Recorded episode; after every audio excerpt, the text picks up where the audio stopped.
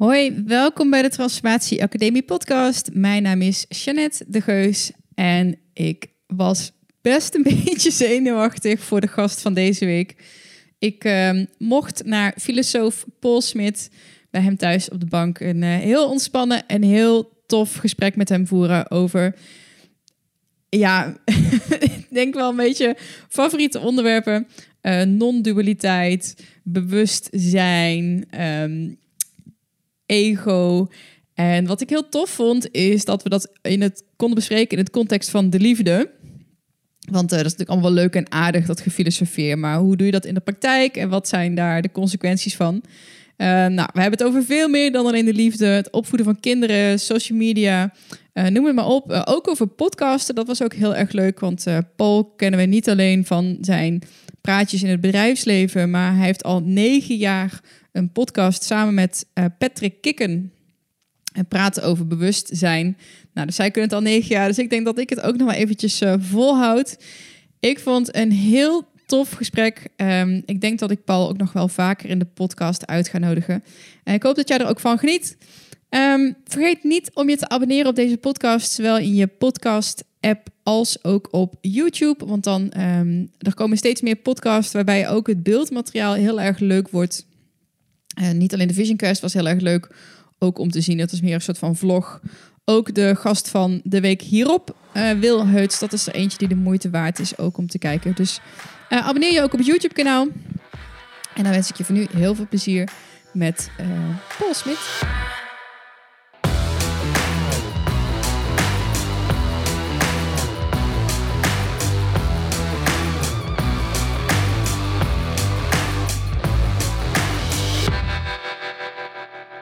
Paul. Yes. Fijn dat ik hier mocht zijn, want dat had ik al gezegd ja, uh, net. Met 29 graden buiten. Ja, en de gordijnen dicht. ja, vanwege het licht. Dus uh, alles voor de kijken. Ja, alles voor de kijk- en luistercijfers. Ja.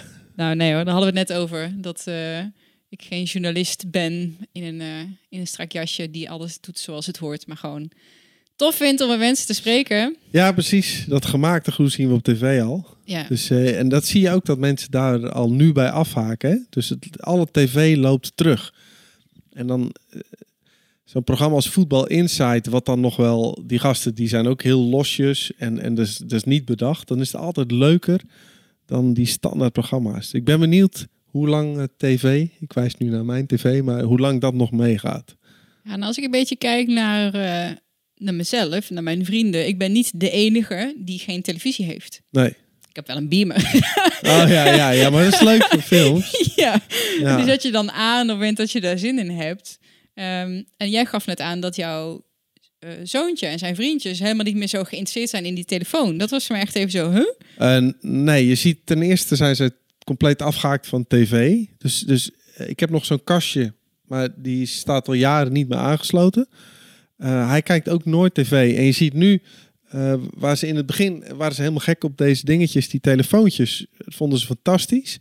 Alleen nu komen er zoveel prikkels binnen, dat het brein, is natuurlijk een slim apparaat, die denkt, poeh, wat een gedoe al die berichten. En, en die laten hem gewoon slingeren. Ja. Dus als ik mijn zoon bel of app, neemt hij nooit op, want die telefoon ligt ergens.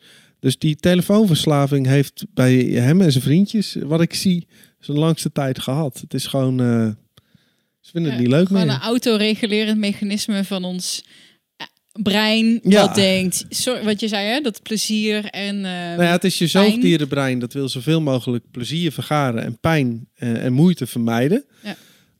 Um, dus het is al als jij de McDonald's binnenloopt, dat, dat hoorde ik nu nog in de podcast van de eindbazen die ik net luisterde, dan scant jouw zoogdierenbrein uh, of die Big Mac of die krop sla.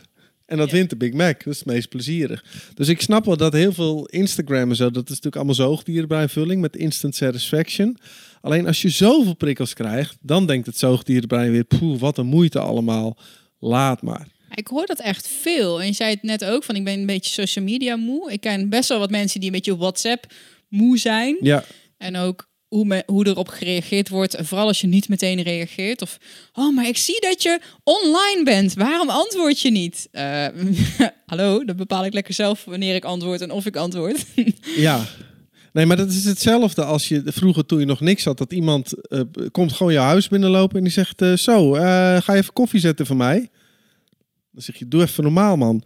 Maar eigenlijk is hetzelfde met inbreuk op jouw eh, dagelijkse privacy. Ook dat Hmm. iemand gewoon een bericht stuurt en zo van: Nou, ga je nu even wat doen? Ja, ik, dus ik snap het wel. Ik heb die telefoon, ik, het boeit me ook niet meer. Ik heb ook Facebook, eh, is van mijn telefoon weg. Ik heb al, al tijden niks meer geplaatst. Ik ben het zat. Dus ik denk, kijk, onze oerbrein is natuurlijk geprogrammeerd om eh, om te gaan met een sociale groep van 150 personen. En wat we het fijnste blijven vinden is gewoon fysieke ontmoeting. Daar Ja. vindt de magie plaats. Eh, daardoor vertrouw je mensen. Dus ik denk dat we een beetje terug aan het gaan zijn, her en der. Eh, ook in Amerika zie je Facebook alweer dalen. En Facebook heeft zelf al aangegeven dat de tijd die mensen op Facebook spenderen, is voor het eerst naar beneden Echt? gegaan. Ja. Oh, dat wist ik niet eens. Ja. Oh, alle marketeers in de stress. Oh jee. Onze Nou ja, het is natuurlijk een heel oneerlijk medium, want eh, net als die artificial intelligence, alles is erop gebrand om jouw brein eh, verslaafd te maken aan, aan, aan zo'n stomme app of zo'n stom platform, ten einde meer geld te verdienen. Ja, dus, dus ik denk dat we op het punt zijn gekomen dat we naar een stukje ethiek moeten gaan kijken met z'n allen van, ja, wat willen we nou? Mm. Willen we nou echt alleen maar geld verdienen op deze planeet of gaan we nog iets doen wat enige vorm van nut heeft? Ja. Dat, eh, Gaan we, denk je? Gaan we nog iets doen? nou, je ziet al een tegenreactie en dat begint meestal bij de jongere mensen. Hè? Dat heb je, dat is iedere generatie wel bijna. Eh, maar je ziet overal golfbewegingen. Dus ook hierin. Iets wordt opeens heel hip, iets wordt heel groot en dan keert het zich weer Ja. terug. Bubbel. Alles is een bubbel. Zelfs het Romeinse Rijk eh, was een bubbel. Terwijl toen dachten mensen ook, dit gaat nooit meer over. Ja. En zo is alles tijdelijk. En je ziet wel dat die, die golfbewegingen worden steeds korter. Ja. Dus ook de economie die op en neer gaat. eh, die golfbeweging, dat is al eeuwengaande. Alleen de tijdspanne wordt veel korter. Dus waar je vroeger een golf van 50 jaar had... eh, is het nu waarschijnlijk is het 10 jaar op, 10 jaar alweer naar beneden. Dus Waarom- dat gaat waarom steeds is dat, denk je, dat dat zo... eh, Ik denk omdat eh, alles in een versnelling is gegaan. Dat komt mede natuurlijk door dat internet. Door, al bij de industriële revolutie was dat gaande. Je kon sneller produceren. We kunnen nu sneller informatie uitwisselen. Dus de tijdspanne van alles is veel korter. mhm. Ik was toen bij ehm TomTom, Tom, toen ze net over een hoogtepunt, hoogtepunt heen waren. En toen zei die CEO ook tegen me van... Vroeger, als je zo'n product had, dan dan kon je 100 jaar mee vooruit. En nu, zeven jaar heb je nog. Dus je komt op de markt.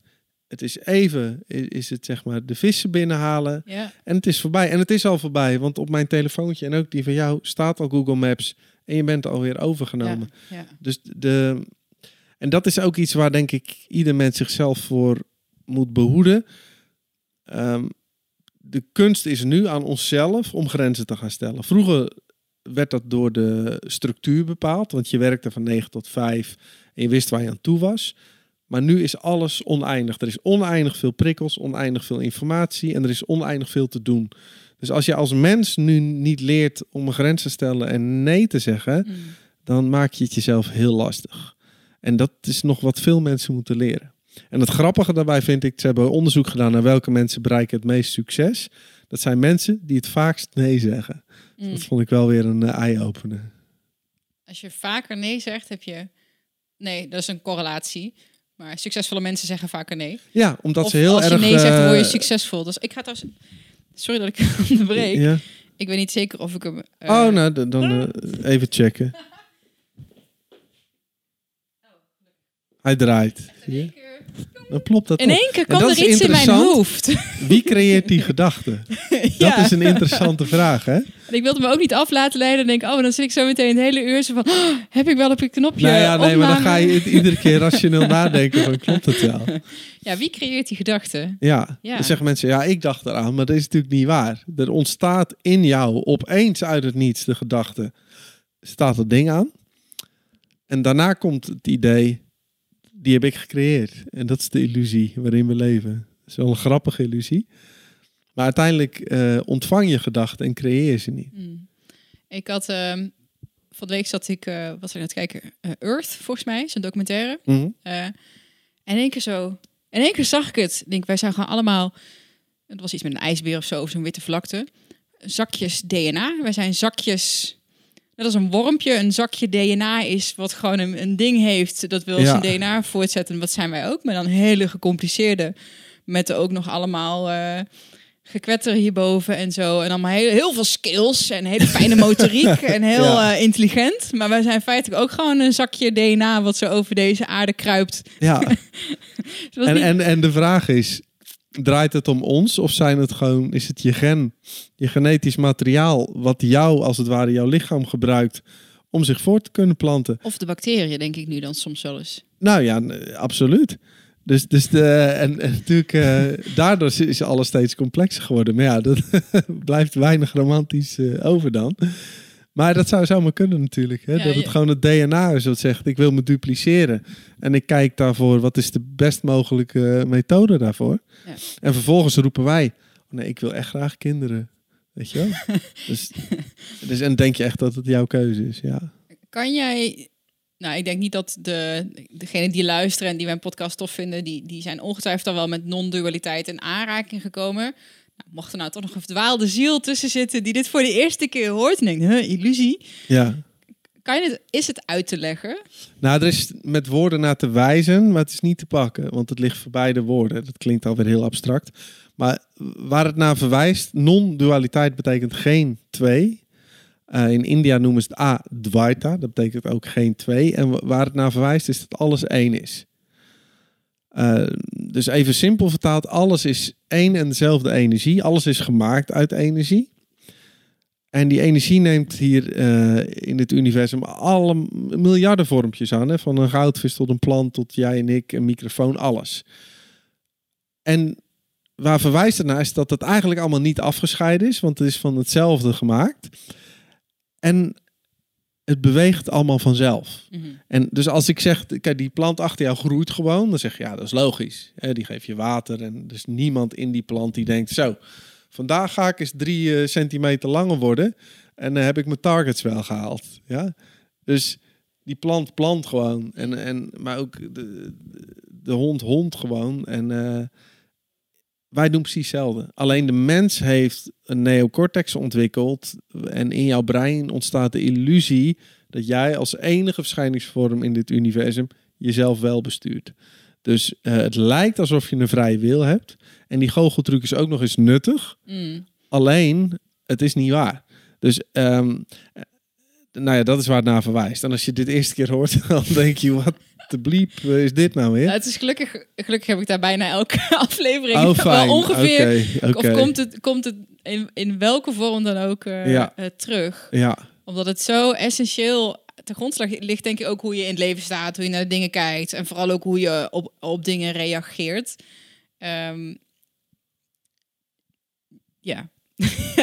ik wilde drie, drie dingen tegelijkertijd eh, eh, zeggen. Jij zei net in het voorgesprekje iets interessants. Je zei, als ik in het bedrijfsleven eh daar naartoe ga, moet ik niet te veel uitzoomen. Want dan denk ik, wat zijn we nu in hemelsnaam aan het doen? Ja, kijk, als je helemaal uitzoomt, en dat, dat ligt dan op de loer, is het nihilisme. Hè? Dus je ziet, god, dit is allemaal één energie. En ook Ja. jij en ik zijn niks anders dan tijdelijke vervoerders van genen eh, die worden doorgegeven of niet. Maakt ook niet uit. Ehm, dus dus je, je ziet ook, als mensen eenmaal in aanraking komen met die non-dualiteit, of met zen-boeddhisme of Taoïsme, het ligt allemaal in het verlengde. Eh, je bent je hele leven lang tot dan meestal ego gedreven geweest. Je hebt altijd gedacht, ja, maar dit ben ik dus. En dat is super belangrijk, dit ding. En ik moet er heel erg goed voor zorgen wat anderen hiervan vinden. Maar ik moet me ook binnen de, eh, de, de wereld manifesteren. Dus ik moet laten zien dat ik succesvol ben en mooi. En, en, en Maar moet- dat besef je dan nog niet. Nee, dat weet je dan niet. ben je helemaal dat. Je bent dat. En daar ben je niet bewust van. Totaal niet. Ja. En je denkt ook nog eens dat dat eh, heel logisch gedrag is, want iedereen doet het. Ja. Totdat je in aanraking komt. Eh, maar dat kan ook al door je- dat je even ayahuasca neemt of wat dan ook. Er zijn vele manieren natuurlijk. Ja. En, maar als je zo'n blisservaring hebt, dat je denkt... Hey, wacht eens even, zit het niet wat anders? Ja. Eh, dan is het even opnieuw oriënteren eh, van ja, hoe sta ik dan in het leven? Omdat voorheen dacht je dat het allemaal om jou draaide en nam je zelf bloedserieus en wilde je van alles bereiken met de illusie dat dat je gelukkig gaat maken. En nu zie je eigenlijk al dat alles wat je zoekt is er nu al. Je bent continu de perfecte manifestatie van het zijn. Mm. Eh, dus dat, dat draait nogal wat om hè, qua paradigma. En dan zie je een fase van nihilisme daarin voorbij komen dat je. eh, Het is een beetje het afkicken van het ego, noem ik dat. Die denkt, ja, als ik het niet meer doe, wat voor nut heeft het dan nog allemaal? En dus er is niks meer te bereiken. En wat moet ik dan doen? Ik heb zelfs een advocaat gecoacht een keer. Die, zei, ja, dan, dan bereid ik mijn zaak voor morgen ook niet meer voor. Want eh, ja, het gaat toch zoals het gaat. Ja, dat, dat klopt dan weer ook niet Ja, helemaal. nou ja, de, maar dan, eh, dan schiet het zijn doel voorbij. Ja. Want dan, kijk, nee, er is geen vrije wil en er is geen ik. Eh, tegelijkertijd creëert het brein continu in het default netwerk de illusie dat jij jij bent, ik ik. En ook dat wij er nu voor kiezen om te zeggen wat we zeggen. Dus je, je speelt het spelletje gewoon mee. Alleen je weet daarachter Mm. dat hoe jij het leven ervaart, dat dat niet per definitie is zoals het ook is. En, en wat ik merk is dat je eh, dat, dat continu. Ik vraag me af, is er een soort van continue staat waarin je daarin kan blijven? Of dat dat eigenlijk helemaal niet de bedoeling is dat we daarin blijven? Om, om het dan even toe te dichten. Ik heb als dan soms wel in momenten dat je het heel helder ziet, dan Ja. om maar even, want denker, dat, dat klopt dan weer even niet. En denk ik, hoe lang? En dan heb ik eigenlijk helemaal geen zin meer om er bijvoorbeeld over te praten. Of, of om andere mensen uit te leggen. En dan, ik, ik word er heel erg stil van, merk Ja. ik. Zo van, en dan niet van, oh, het maakt niet uit. Maar meer van, het heeft helemaal, ja. Nee, maar als je, als je heel, de heel kalm of zo ervan. totale volheid ervaart, echt zo'n blisservaring haast, dan is het totaal niet nihilistisch. Dan is het gewoon het totale zijn zelf. Ja, dat is niet met woorden uit te leggen, maar dan is er is niks meer wat in je opkomt van wat niet klopt of zo. Mm. Het is op dat moment helemaal perfect. Ja. Alleen het leven zit zo intelligent in elkaar dat op het moment dat je dat hebt ervaren, dan denkt het leven zo. We gaan weer eens wat anders doen. ja. En de dag daarna word je gewoon weer overal naartoe geslingerd. Ja. En eh, volgens mij gaat dat nooit stoppen. Dus bij iedereen. En, en de grap is nog meer dat op het moment dat je denkt dat je het hebt, dan eh, Heb je het al helemaal gaat niet. iemand daarboven of wat dan ook heel hard lachen. Je denkt, oh, die zien? Die denkt dat ze het nu snapt. Dan, eh, Denk je dat er iemand... eh, Nee, natuurlijk niet. Nee, dat dan dat denk ik, oh wauw, heb Nee, ik even een afslag gewist. Nee, in, nee, eh, een vriend van mij die zegt altijd: er zitten boven twee mannetjes te vergaderen. En die zeggen dan: Oh, oh, kijk, die Paul Smit. Oh, die denkt nu dat hij het snapt. Nou, Ja. eh, daar komt hij. in. Gooi nog maar eens even, zo, Dus, dus we, nee, ik geloof natuurlijk niet dat een man met een baard. En, nee, nee, nee. Nou ja, en als je, als je dat wel zou geloven, dan... Nou, er zijn miljarden mensen die het geloven. Dus dat is prima. Hè? Dus kijk, een mens is natuurlijk van nature enigszins religieus aangelegd. Omdat dat, dat is ook weer evolutionair heeft dat een voordeel gegeven om hoop te hebben, om- het onbegrijpbare te kunnen verklaren. Dat gaf rust, maar ook om de groep bij elkaar te houden. Ik heb daar hetzelfde. een heel interessant boek over gelezen. Het heet ook gewoon heel simpel Godsdienst verklaard. Oh, oké. ja, ja, ja, ja. Dan ja. niet van Godsdienst verklaart het leven, maar het verklaren van eh, hoe dat werkt. Ik vond het wel heel, een hele mooie theorie. Is dat we. Ja, het is echt lang geleden. Dan hoop ik niet dat ik nu iets zeg wat echt totaal geen hout snijdt. maar dat eh, onze, intuït, onze intuïtieve stem, zeg maar, dat onze eh, linker, rechter hersenhelften eigenlijk veel meer connected waren. ja. om ons te, de default mode network ook veel meer bezig was met, oh pas op, er ligt een kuil of eh, er komt iets aan. Of dat je best wel in tune was met je omgeving en Mhm. vibraties en signalen uit de omgeving. En dat wij die, die signalen op een gegeven moment zijn gaan internaliseren als, oh dat is niet gewoon ik die mijn voelsprieten uit heb naar de omgeving, maar dat is een stem die van binnenuit komt. Oh ja, ja. en ja, later ja. zijn we dat dan weer gaan externaliseren, dat het een stem van buitenaf is die ons ingegeven wordt, terwijl het eigenlijk van binnenuit komt. Ja, of dan wordt het spiritueel. Dan zeggen mensen niet van, oh, dat idee sprong me te binnen. Nee, dit heb ik gechanneld. Ja, dat. Of ik ja. sta in contact met de engelenwereld. Dus kijk, de- neiging van de mens is altijd al geweest dat als we iets niet kunnen verklaren, dichten we toe aan iets hogers. En als de wetenschap dan dat weer dan bewijst, dan, oh nee, het klopt toch niet. Maar dan bij het volgende grijpen we weer naar, het, we willen het altijd kunnen verklaren of in ieder geval toedichten aan iets. Mm. Dat is een beetje de aard van de mens. Ja, omdat alles om ons heen chaos is, feitelijk. Ja, dus Ja. het is al alles wat zeg maar eh, een beetje synchroon is en overzichtelijk vindt het brein fijn. En dat was vroeger al, hè, dat in die jungle waar alles chaos is eigenlijk. Als je iets kon structureren, dan gaf dat eh, rust en overzicht. Dus, Ja. En dat zit nog steeds in ons. Hè? Dus als een website netjes de mooie knopjes heeft en vierkantjes, dan denken we nog steeds, oh lekker, overzicht. Ja, Ja, ja. En, en patroontjes, want alles zijn natuurlijk eh, patronen. Maar over dat, een- nou, over, is het eigenlijk non-dualisme of non-dualiteit?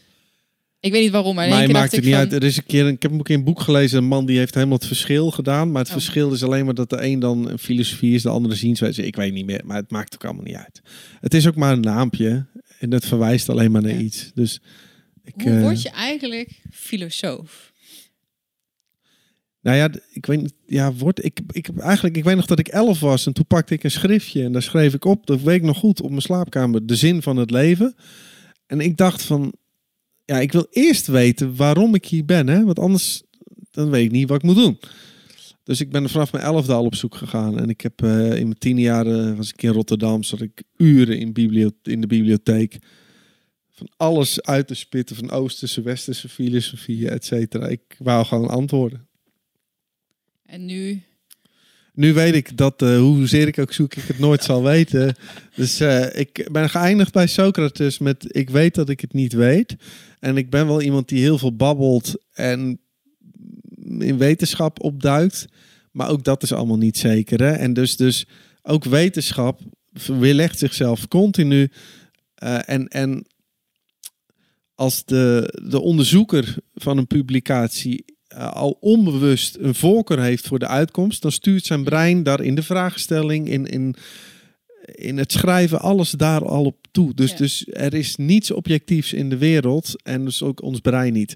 Dus, dus eh, ik ben ook aan geen enkel concept gehecht. Hè? Dus als iemand straks aankomt die zegt, oh, er is wel een ik in het brein en er is wel een vrije wil, dan schakel ik in één keer. Dus, dus eh, ik vind het heel boeiend. Ik luister heel veel podcasts, onder andere ook van de eindbaas natuurlijk.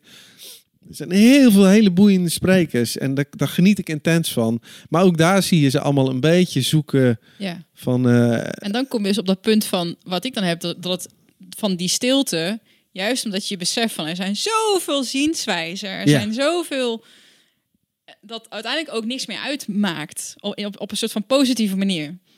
Nee, kijk, dus de, de stilte zelf is natuurlijk het ultiem bevrijdende. En als je dat eenmaal hebt erkend, dan is, zoals ik het zelf ervaar, is al die theorietjes en wetenschappelijke dingetjes, is spielerij. Mm. Zeg maar. En ik vind het hele leuke spielerij. Ma- Maar eh, er zit geen kramp meer op. Dus, Ja. dus het is niet zoals iemand die bijvoorbeeld heel religieus kan zijn.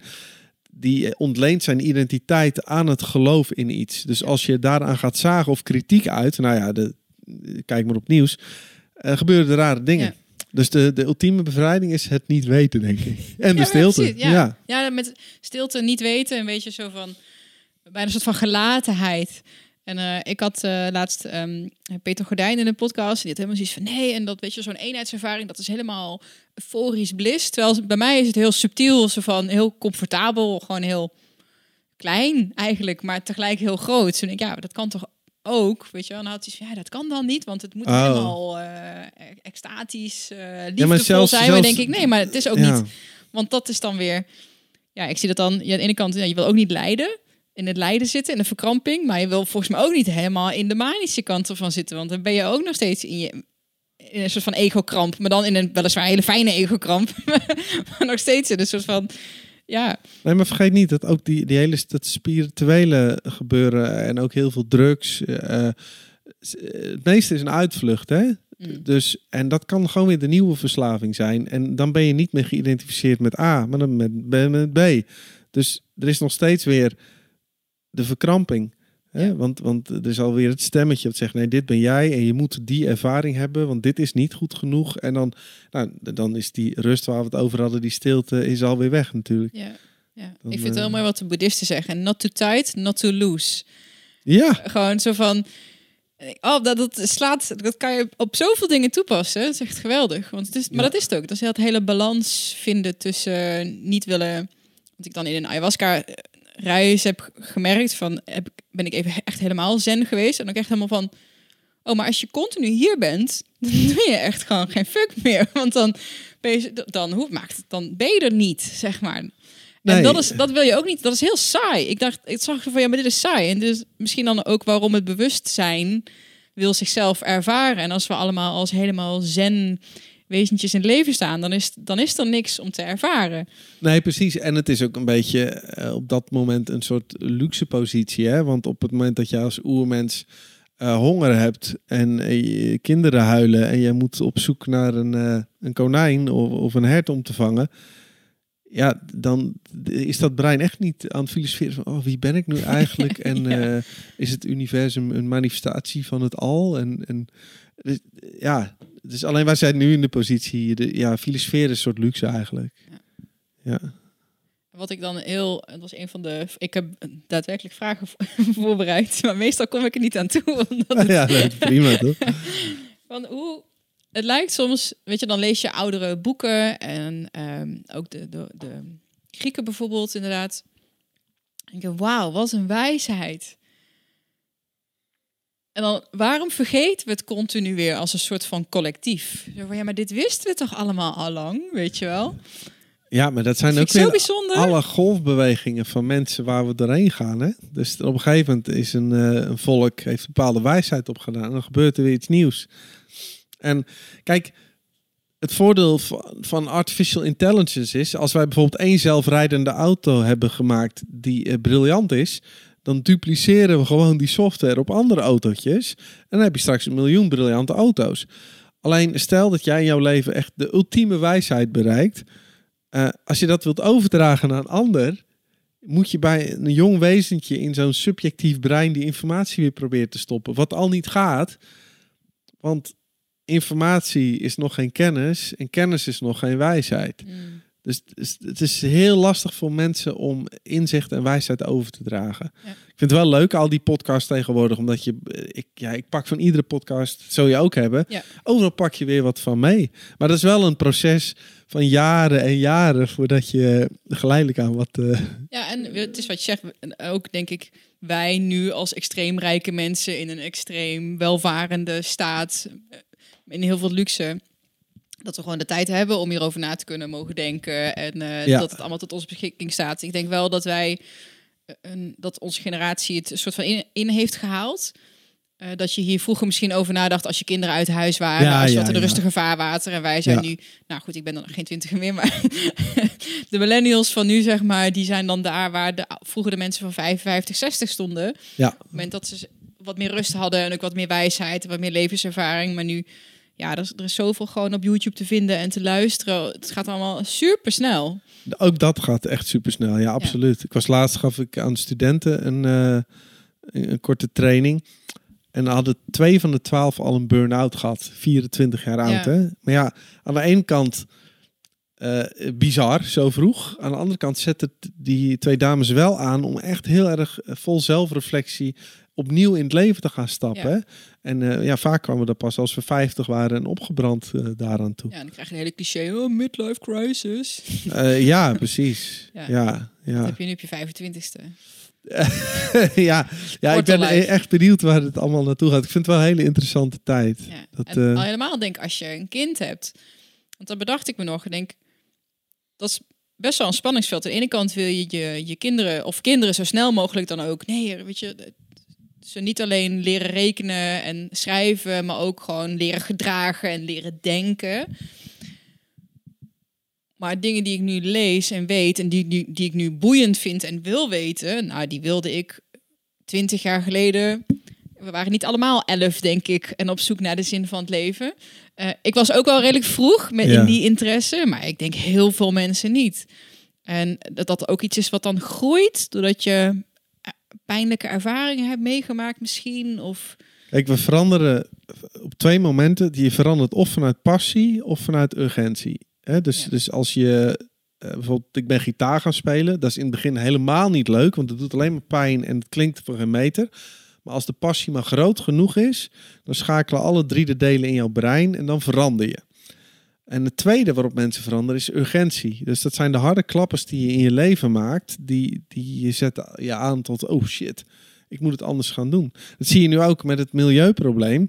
Zolang, zeg maar, uh, uh, ik nog niet in mijn dagelijks bestaan uh, ervaar dat er vervuiling is, doet mijn brein niks. Want mijn oerbrein is ingesteld op het zien van gevaar. Stel dat ik in een gebied had geleefd op de Amazone En eh, er kwam een of andere gifstroom aan. Dan had ik direct gezien, oh, spullen pakken en wegwezen. Ja. Maar nu zie je het niet meer. Dus zelfs daar geldt het zo. Als, als de urgentie niet voor je voeten ligt, doen we niks. Dus pas als Nederland straks eh, half onder water staat, dan denken we, oh, oh, wacht. Eh, en dat is gewoon mensen eigen. Daar kunnen we niks aan doen. Dat zit in het brein. En over die kinderen, want we hebben het dan over de hersenen. Is het ook dat wij misschien sommige concepten pas echt goed kunnen slappen, snappen als, wij, eh, als ons brein helemaal is uitontwikkeld? Dus wat is het, 23, 24? Ja, je laatste deel van het brein, je neocortex, is pas rond je 23ste volgroeid. Eh, ja, en dan ook hè, dat zelfbewustzijn, dus dat ego wat we hebben, wil zich eerst uitleven. Dus Ja. ik kan mij zo wel gaan vertellen, ja, je bestaat niet. Nou, ik heb een gezin meegemaakt waarbij die ouders hun kinderen opvoeden met het idee dat ze niet bestonden. Maar die waren echt zwaar depressief op hun zestiende. Dat, Ja, dat is- vraag ik me dus inderdaad niet af. handig. Als ik kijk naar mijn generatie die dan nu kinderen krijgt en die dus op Ja. dit pad zit en die dat dan ook heel graag mee willen geven. Ze van, oh, ik had gewild dat ik dit eerder had geweten. Dan denk ik, kan dat? Kun, kun- kunnen we, kun- willen we dat? Zeg maar, net als bij mij zou het af zijn geketst. Dan denk ja, Ja. lekker dan. Leuk voor je. en als het wel binnen was gekomen, ja, wat voor kinderen kweek je dan? Maar ook dat, ja, weet je, dan word ik een beetje van, ja, dat maakt het allemaal niet uit. Want dat moet ook gewoon gebeuren. Weet je, dat is dan... Nou ja, mijn zoon die, die gaat daar naar school, maar die gaat eerst nog langs zijn moeder om zijn merkshirt aan te doen. Want die lag je niet hier. Want hij gaat echt niet zonder merkshirt naar school. Weet je wel? Dus dat, dat, dat, je wilt je eerst ontdekken. Je wilt je identificeren. Je moet eh, denken dat je ertoe doet en dat je geweldig bent. En als dat ego helemaal is uitgespeeld en eigenlijk een beetje op zichzelf is uitgekeken, dan is het tijd om, eh, om, om dat los te laten. Maar op het, ik zie ook zoveel. Vandaag stond er weer een man die had dan mijn boek gelezen en die zegt ja en echt eh, ook mede dankzij jouw boek hoor heb ik geen ego meer nu. Ja, mensen die gaan benoemen dat ze geen ego hebben, dat is natuurlijk het grootste ego wat je kan hebben. Hè, door te benoemen, ja nee maar ik, dus Ik heb geen ja, nee, ik ego heb meer. geen Ja. ego meer. Ja, oké, oké. Terwijl ja. Dus het hoort er allemaal bij. Het is ook prima. En, en ik denk dat spirituele ego's misschien nog wel de grootste ego's zijn die ik ben tegengekomen. Ik vraag me wel eens af hoe het kan dat alle, nou, de shamanen die ik dan heb eh, ontmoet, dat zijn enorme ego's, enorme macho's, eh nemen enorm veel ruimte in. Ik denk, maar misschien moet het ook wel, want als je continu een soort van egoloze, nou, als je kijkt naar psychedelica, maar ook denk ik in diepe meditatie, of als je zo'n blissmoment hebt, dat is ehm, de dood van het ego. Dus misschien moet je wel heel, een heel sterk ego hebben als je daar niet bent, om die balans een soort van te kunnen bewaren. Maar dat is een, een theorie die ik dan denk ik, ja, waar, want waarom is dat? Als je continu bezig bent met een soort van ego dissolving. eh, Ja, maar juist een groot ego wil zichzelf dissolven. Hè? Dus het is Ah. logisch dat juist de grote ego's op dat soort dingen duiken. Want op het moment dat die als het gezien is en geïntegreerd, dan vervalt die behoefte. Maar dus ego, daar wordt vaak moeilijk over gedaan. Maar het ego is fantastisch. Ja. Ik bedoel, de Eiffeltoren is niet gebouwd door iemand met een klein ego. Heel Dubai en Las Vegas. Ja. Het, het- en dat is lachen. Dus, dus dat ego, eh, dat speelt gewoon zijn ding. Ik ben ook eh, met heel veel dingen begonnen. Allemaal met cabaret. Ego, allemaal ego, allemaal minderwaardigheidscomplex, eh, daar overheen komen. Dus het is, het is een gigastrijd met dat ego. Maar is prima. Dus, en, eh, dus voor heel veel mensen heeft dat ego gewoon een hele nuttige functie. Daardoor hebben ze heel veel passie om iets te doen. ja, ja. Ja, Nou, je- je zei net, wat ik zei tegen jou, van ik zit in een polyamoreuze relatie. Of ja, ook maar een beetje hip woord natuurlijk. maar non-dualiteit en de liefde, dat is wel iets waar ook vrienden en kennissen van me tegenaan lopen. Als er ergens een moment is eh, waarop er op ego-knoppen wordt geduwd, dan Ja. is het vaak in contact met andere mensen. Nou, dat Ja. is op je werk heel vaak, maar ook Ja. zeker in romantische zin, in relaties, huwelijken ja. welke vorm dan ook. Het is één grote heen en weer van projecties en ego-spasmes en verkrampingen. Heerlijk. Vind heerlijk. Ja, ja. Behalve als je er midden middenin zit. Als je echt in dat emotiestukje zit, dan is het even niet zo leuk. Nee. Maar als je dan daarna weer eventjes uit kan zoomen, denk ik altijd, oh, Ja, bizarre van een relatie vind ik altijd als je eenmaal eruit bent, dat je echt denkt: hoe de fuck heb ik dat allemaal kunnen doen? Waarom heb ik niet eerder een grens gesteld? Weet je wel, maar een relatie is natuurlijk zo subtiel, want het begint al met een soort verliefdheid en dan kan het brein niet meer logisch nadenken. Dus je bent een beetje emotioneel gehandicapt. Als je Eh, nou ja, absoluut. Ja, het is eh, een hormonale disbalans, Hormon- zegt de ja, Michel ja. altijd. nee, eens kijk, jouw, jouw dopamine giert door je hoofd. En dopamine maakt dus het stofje waardoor je steeds iets nieuws verlangt. Eh, en dat, maar het maakt je ook blind. Dus liefde maakt blind, dat is echt waar. En je serotoninepeil, dat is wat jou eh, in balans houdt, dat daalt 40%. Dat staat gelijk aan een dwangneurose. Dus als je verliefd bent, ben je werkelijk emotioneel instabiel. En je ziet de wereld door een gekleurde bril. Dus zo begint het vaak. Nou, dan na een jaar gaan die stofjes weer Maar weg. wacht even, wacht even. Ja, even terug. Even terug. Jan Geurts ken jij natuurlijk ook Ja, ja, ongetwijfeld. Die zegt juist, op het moment dat je verliefd bent... Die zegt dat we zitten allemaal in een... In een eh, we dekken allemaal een pijn toe in onze kernovertuiging. Ehm, of daar zit pijn. Mhm. Dat dekken we zelf toe. Op het moment dat we verliefd zijn, erkent die ander ons. Hè, dus als de verliefdheid zeg maar wederzijds is, erkent die ander ons. En die laat even eh, die wond, nou, niet genezen, maar die, die eh, maakt je heel eventjes heel, zeg Mhm. maar. Dus dat stralende wat je dan hebt, hij zegt dan, maar dat, dat doet niet die ander, dat ben jij. Want dat is je ware aard. Die dan eventjes helemaal... ehm,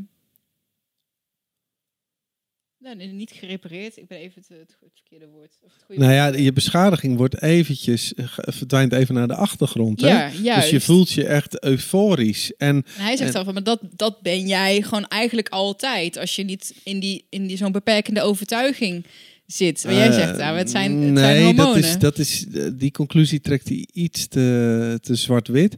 Ehm, wat je werkelijk bent. Ja, dat is maar net de definitie die je eraan leent. Als je zegt, ik ben de, de energie zelf, eh zwaar.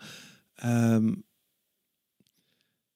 kijk, die, die pijn die in je zit, eh, wordt tijdelijk even bedekt, waardoor je eventjes eh, bevrijd door het leven gaat. Nou, die ja. bev- verrijding kun je zeggen, dat is eigenlijk je ware kern. Hè? Dus die pijn is gewoon een soort ruis die er bovenop ligt. ja, dat is gewoon alles wat je mee hebt Ja. gemaakt. Die keer dat je gevallen bent. Mensen je niet aankeken. Je niet voor een feestje werd uitgenodigd. Je ontslagen. Al die kleine, kleine... Ja, nou die voel je dan even niet meer. Maar dat is als je ayahuasca doet, is het precies hetzelfde. Hè? Dus, Ja. dus, eh, dan, dus dat is, dan kun je ook zeggen, ja, met ayahuasca op is je- dat is wat je werkelijk bent. Oh, dat mag ik hopen van Eh, eh, nee, ja, precies.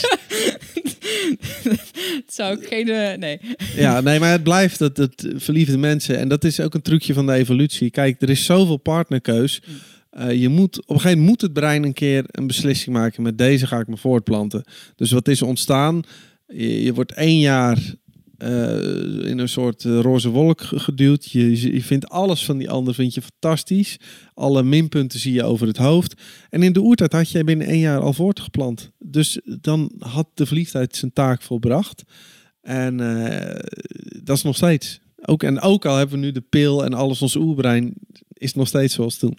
En Denk je dan ook wel dat, dat je wel langer verliefd kan zijn? Of is dat gewoon een soort van nostalgie daarna? Nee, het is ongeveer 10% van de mensen heeft het geluk. Die blijven die stofjes aanmaken hun hele leven. Dus die kunnen zelfs na 40 jaar huwelijk nog helemaal dol zijn op hun partner. Bij de meeste mensen is het na één, hooguit twee jaar is het weg. Je ziet ook de meeste relaties stoppen na een jaar daardoor.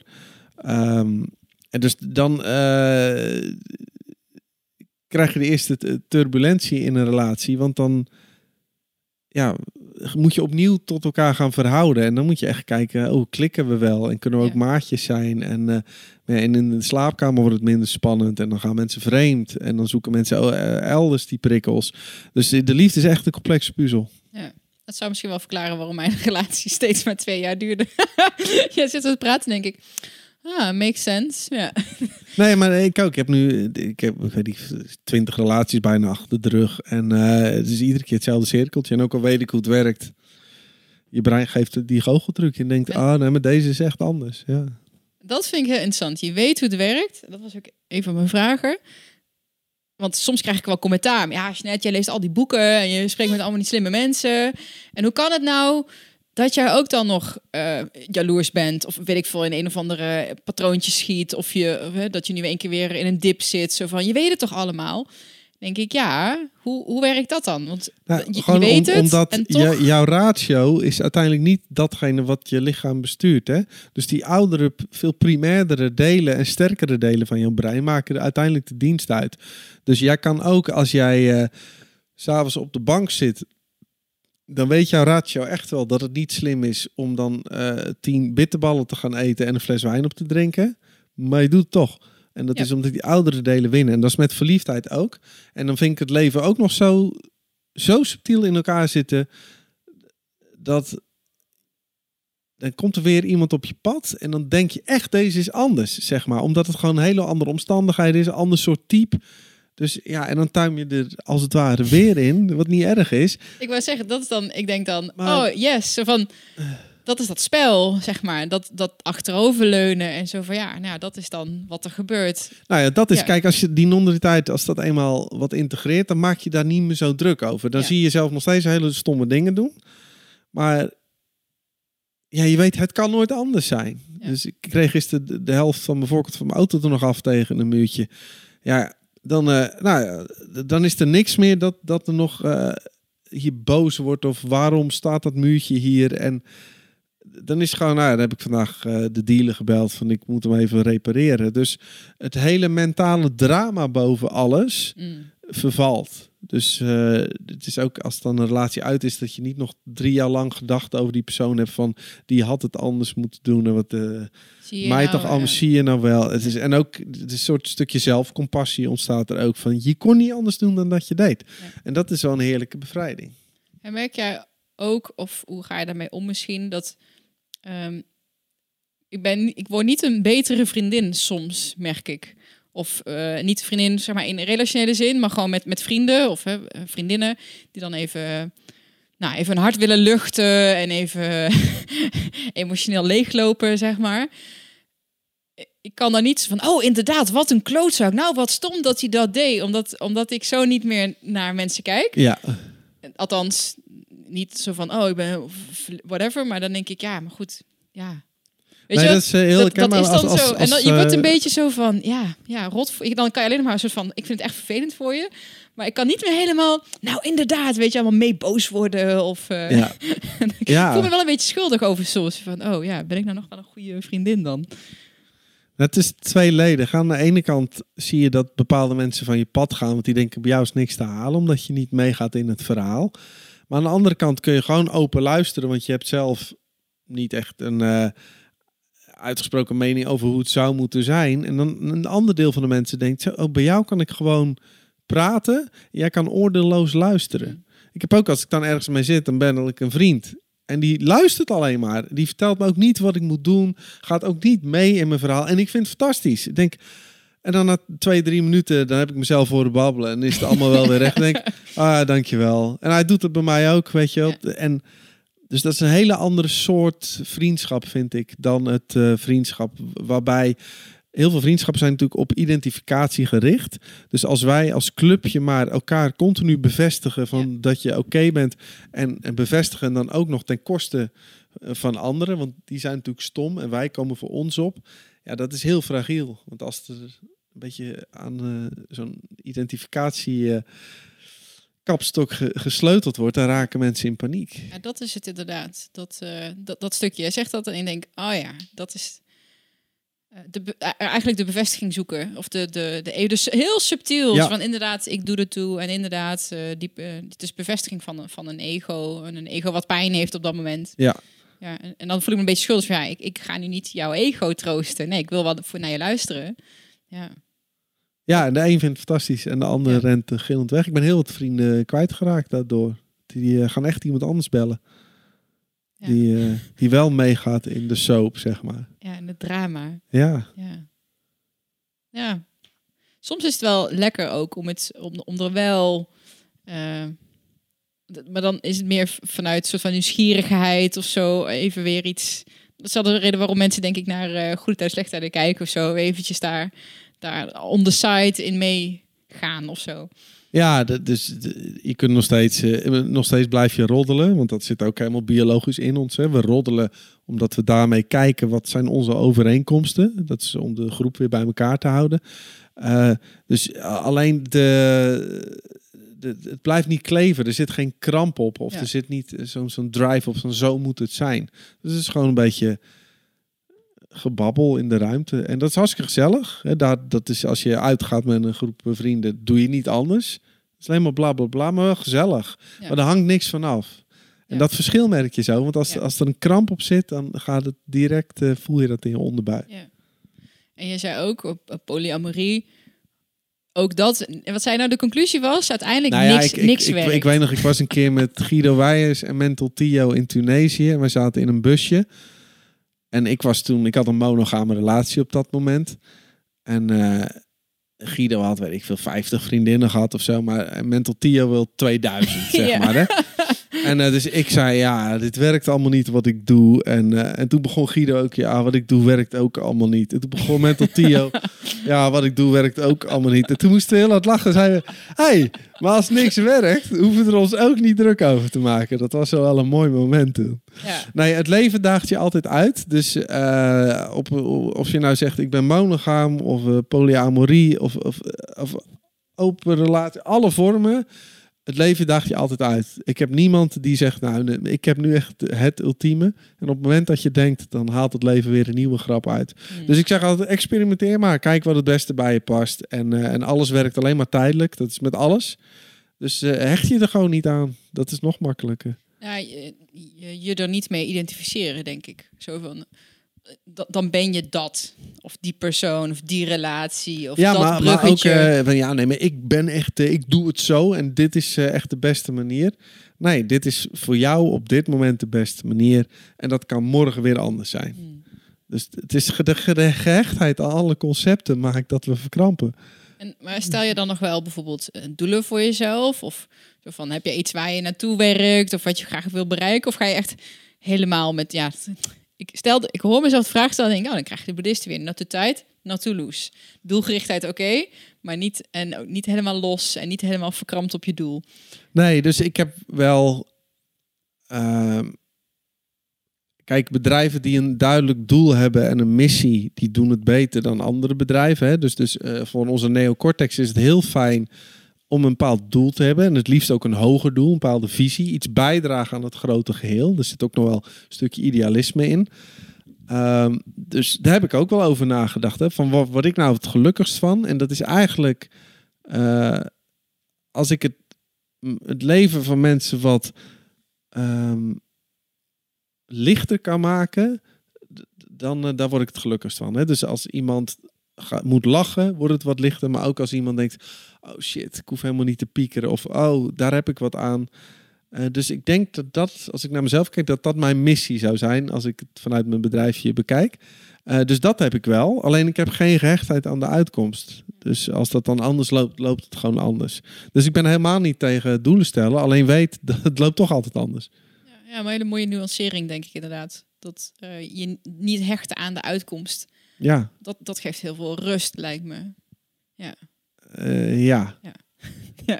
Nee, ja, dat kom ik bij al die bedrijven. We hebben onze doelstelling niet gehaald. Denk, ja, het kon niet anders zijn dan dit. Laat dat nou los, weet je wel. En die doelstelling slaat nergens op. Want je hebt in januari vorig jaar besloten dat je dit jaar zoveel omzet moest draaien. Eh, hoe jouw bedrijf loopt is van miljoenen factoren afhankelijk. Dus als het dan een keer anders loopt, ja, ga dan niet nog met terugwerkende kracht een jaar lang piekeren en mensen nog banger maken. Dus, dus het slaat nergens op. Ja. Dus, dus eh, je mag wel een doel hebben, maar eh, wees een beetje flexibel. Hoe, hoe breng je dat mensen bij? Dat, dat kunnen uitzoomen en die relaxedheid. Ja, is natuurlijk- hoe... ehm, jij doet het met humor, want ik, ik heb je lezing ook eh, gezien. Er zitten allemaal heel veel leuke YouTube-clipjes in. Mensen Ja. die in het water vallen. En, eh, Ja, daar ben ik dol op, dat soort dingetjes. Maar het zet je wel aan het denken. En het zijn denk ik van die hele kleine aha-momentjes. Maar ehm, waar, waar kan je eigenlijk het beste beginnen? Misschien. eh, Ja, maar dat is voor ieder mens anders. Iedereen loopt zo zijn eigen unieke pad. Dus eh, mensen vragen ook altijd welk boek zal ik lezen. Ja. De Suske Wiske. Het, nee, het, het kan alles zijn. Dus ik heb, er is geen heilige manier. En ehm, heb jij in dat opzicht bijvoorbeeld zelf favoriete boeken of zo van dit- eh, nou leuk, het leuke voor jou misschien om te weten. In mijn mastermind groep, de ondernemers die ik eh, coach, vorig jaar had ik van, nou, had ik twee, drie boeken gelezen waarvan ik dacht van, dit moet iedereen lezen. En Oh, dan ja. zat jouw eh, verlichting voor luie mensen. Zat Oh, eh, zat ook omdat het maar een paar euro was, denk ik. Ja, dan, Ja, lekker goedkoop. Ja, dat is altijd een goede reden. Ja. Nou, plus dat het echt een heel fijn boekje is. Want ik had vlak daarvoor een boek gekocht over boeddhisme. En dat is dan vrij klassiek en traditioneel. En uiteindelijk, Oh, ja, ja. de inhoud komt natuurlijk overeen. Alleen Ja. voor een hele andere tijdsperiode geschreven. En voor een hele andere doelgroep. Dus eh, dat is een heel fijn boekje. Een heel mooi instapmiddel voor me- hoe wij nu praten, denken, tot Ja. elkaar verhouden. ja. Maar heb jij bijvoorbeeld een ehm, boek waarvan je echt denkt van... Ja, dit, dit heeft mij zo de ogen geopend? Of, Ja, mijn eerste boek, het eerste was van Ram Tzu, weet ik. En de andere van Ramesh Balsekar. Dat was zo'n dik boek. Die is niet eens meer te verkrijgbaar nu. Eh, ja, dat is anderhalf jaar mijn bijbel geweest. Zeg maar. Het zette alles waar ik in geloofde, zette het op zijn kop, weet je wel. Dus ik dacht, ah, shit, shit. En dus dat, dat, eh, ja, dat heeft me enorm geïnspireerd toen. Daarna heb ik nog wel heel veel andere waar, ging dat, waar ging dat over? Ik ken het niet. ja, Bewustzijn Spreekt heette dat boek. En dat is gewoon eh, Ramesh, eh, zijn teachings werden uitgetypt. Maar die man was, die was eerst hoofd van de bank in India. Een briljante man. En ehm, ja, die kan het zo goed, kon hij het vertellen. Dus dat was voor mij echt eh, iedere dag weer. Ik dacht, oh ja, shit, shit. Het gaat allemaal vanzelf. En hoe zit dat dan? En eh, ja, het is eigenlijk zo simpel dat alles gewoon gaat zoals het gaat. Alleen het, het lijkt complex omdat jouw brein een goocheltruc uitvoert. Die geeft je heel de dag het idee, dat ben ik en dit doe ik. En dat is ook heel nuttig. Want anders heb je een depersonalisatiedisorder en dan zit je in een gesticht. Dus dat zelfbewustzijn is natuurlijk niet voor niks ontstaan. Ehm, dus het, het meest lastige merk ik nog steeds voor mensen is... aan de ene kant besef je, oké, eigenlijk ben ik gewoon energie in beweging. En tegelijkertijd ervaar ik me als dit. Het is een beetje als de Matrix hè, met de rode en de blauwe pil. Je ervaart de blauwe realiteit en je hebt de rode pil nu voor het eerst genomen... en je ziet dat daarachter een hele wereld schuil gaat. Ja. Dat is denk ik, vond ik altijd een mooie metafoor. Volgens mij was het Alan Watts, een van mijn grote, of in ieder geval Ja, fantastisch. boeken waarvan ik echt dacht, Ja. hoe hij het verwoordt en nou. ja, ehm, die man is ook een genie. ja, ja. Ik heb dan al die, die tapes van hem. oké. Waar haalt hij het vandaan? Ongelooflijk, ja. Het hele van, ehm, je moet ook niet aan die kant willen blijven of zijn. De kunst is juist om die balans te vinden. Oké, dat weet je nu, dat heb je nu gezien of ervaren of geleerd of hoe dan ook. Ja, Eh, om dat nu hier in dit aardse bestaan, in deze met die illusie die wij gewoon zijn, waar we niet aan kunnen ontsnappen, ja. om dat mee te nemen, om daar die middenweg in tussen bewandelen, denk ik, ja, ja, super mooi. ja dat vind ik ook. Ja. Ja. Het is, en ja. En de, ook de race om dan helemaal aan de ene kant te blijven. Dat is ook zo'n fase dat je denkt, oh, dit is zo mooi. En dan, eh, ja, dan ga je haast onbeperkt ayahuasca nemen om daar maar te zijn, zeg maar. Eh, dat hoeft ook niet, zeg maar. Dus, dus het, is, eh, het is een beetje laveren, is het. Ja, dus Ja. ja, ja ehm, we hebben nu eenmaal dit leven en dit lijf. We zijn dit bewustzijn wat zichzelf wil ervaren, wat Ja, dingen wil meemaken, dat wil pijn hebben, dat wil plezier hebben, dat wil zich vervelen, dat wil overprikkeld raken, dat Ja. wil alles doen wat het wil doen. Ehm, ja, aan de andere kant zijn we dat ook dan weer niet.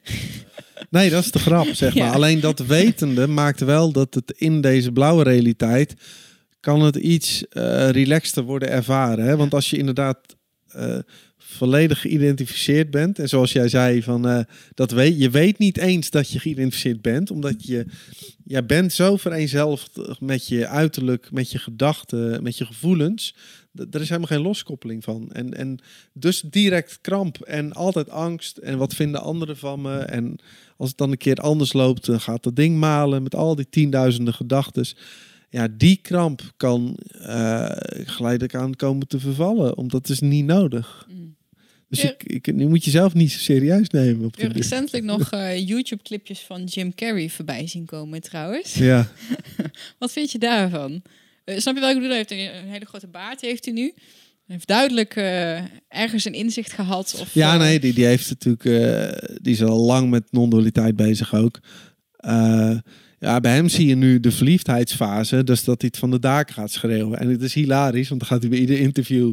Zo, ja, je bestaat allemaal niet, Ja, joh. En, en- dus ja, het is even een fase... zo'n filmpje op zo'n op zo'n ja. rode loper. This is all bullshit. This is all not real. Ja, ja, ik moet daar heel hard om lachen. Maar volgens mij hij zelf ook. Want ik kan me haast niet voorstellen dat hij het ook niet al van een afstandje beziet. En dat hij zegt van...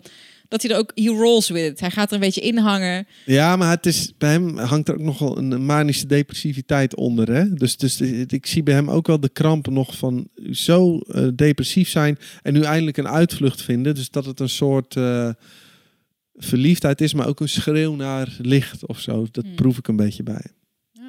Ik wist ook niet dat hij zo, eh Ja, zo ja, ontzettend depressief ja. was. eh, die, eh, het is bizar hè, dat de grappigste man ter wereld haast. Maar dat hoor je bij veel Maar dat is wel hoor. vaker toch? Ook ehm, Ja. ehm, Robin Williams toch Ja. ook? Zo'n de, de, de, de grappigste man op aarde. Of de meest geliefde man op aarde. Die zichzelf zo ontzettend... Ja. Was hij niet uit het leven ook gestapt? Dat is al eventjes geleden. Volgens mij wel. Nou, daar heb ik allemaal conspiracy filmpjes nog van gekeken. Maar ik weet niet Oh. meer hoe het zat. Die dachten weer vermoord of zo. Ik weet het ook niet precies. Ja. Is dat misschien hetzelfde als dat de hele grote ego's die die verlossing willen, dat de mensen die als grappig worden gezien ook dat ontzettende donkere in zich hebben? Ja, dat zou zomaar kunnen. Hè? Dus Ja. als je die, die kramp zo ervaart, dat je daardoor al van kinds af aan op zoek bent naar die humor, omdat je daarmee de aandacht krijgt en het lichter wordt gevoeld. Dat Ja. zou zomaar een- voor sommige mensen een psychologische ondergrond kunnen zijn. Ja, ik, ik heb zelf psychologie gestudeerd. Oh ja, nou, dus ik ga meteen dan op zoek naar een soort van eh Ja. wetmatigheden. Nou, dat is natuurlijk mijn, mijn hoofd wat op heel graag patroontjes wil zien. Ja, ja, oh, ja, hoe werkt dat dan? Is dat dan een balans? Of is dat een, een soort van uitlaatklep of een, eh, ja, een regulerend mechanisme? Ja. Hm. nee, maar het is altijd interessant om te zien waarom je inderdaad aan het doen bent wat je doet. Hè? Er zit vaak al iets eh, onder. Ja. Ja. Nou ja, in hindsight kan natuurlijk iedereen eh, de puntjes met elkaar verbinden. Ja, Maar ja. wat ik dan soms nog zo frustrerend kan vinden, waar we het straks over hadden, dat je soms in het moment zit en dat je echt wel weet, nou het is ja, eh, niet alleen van dit moet ik niet doen, ik moet die bitterballen niet eten, maar dat, dat iets je verdriet doet, terwijl of bijvoorbeeld een jaloezie of een onzekerheid, terwijl Ja. je dan heel goed weet van ja, dit is gewoon mijn onzekerheid, dit is gewoon angst.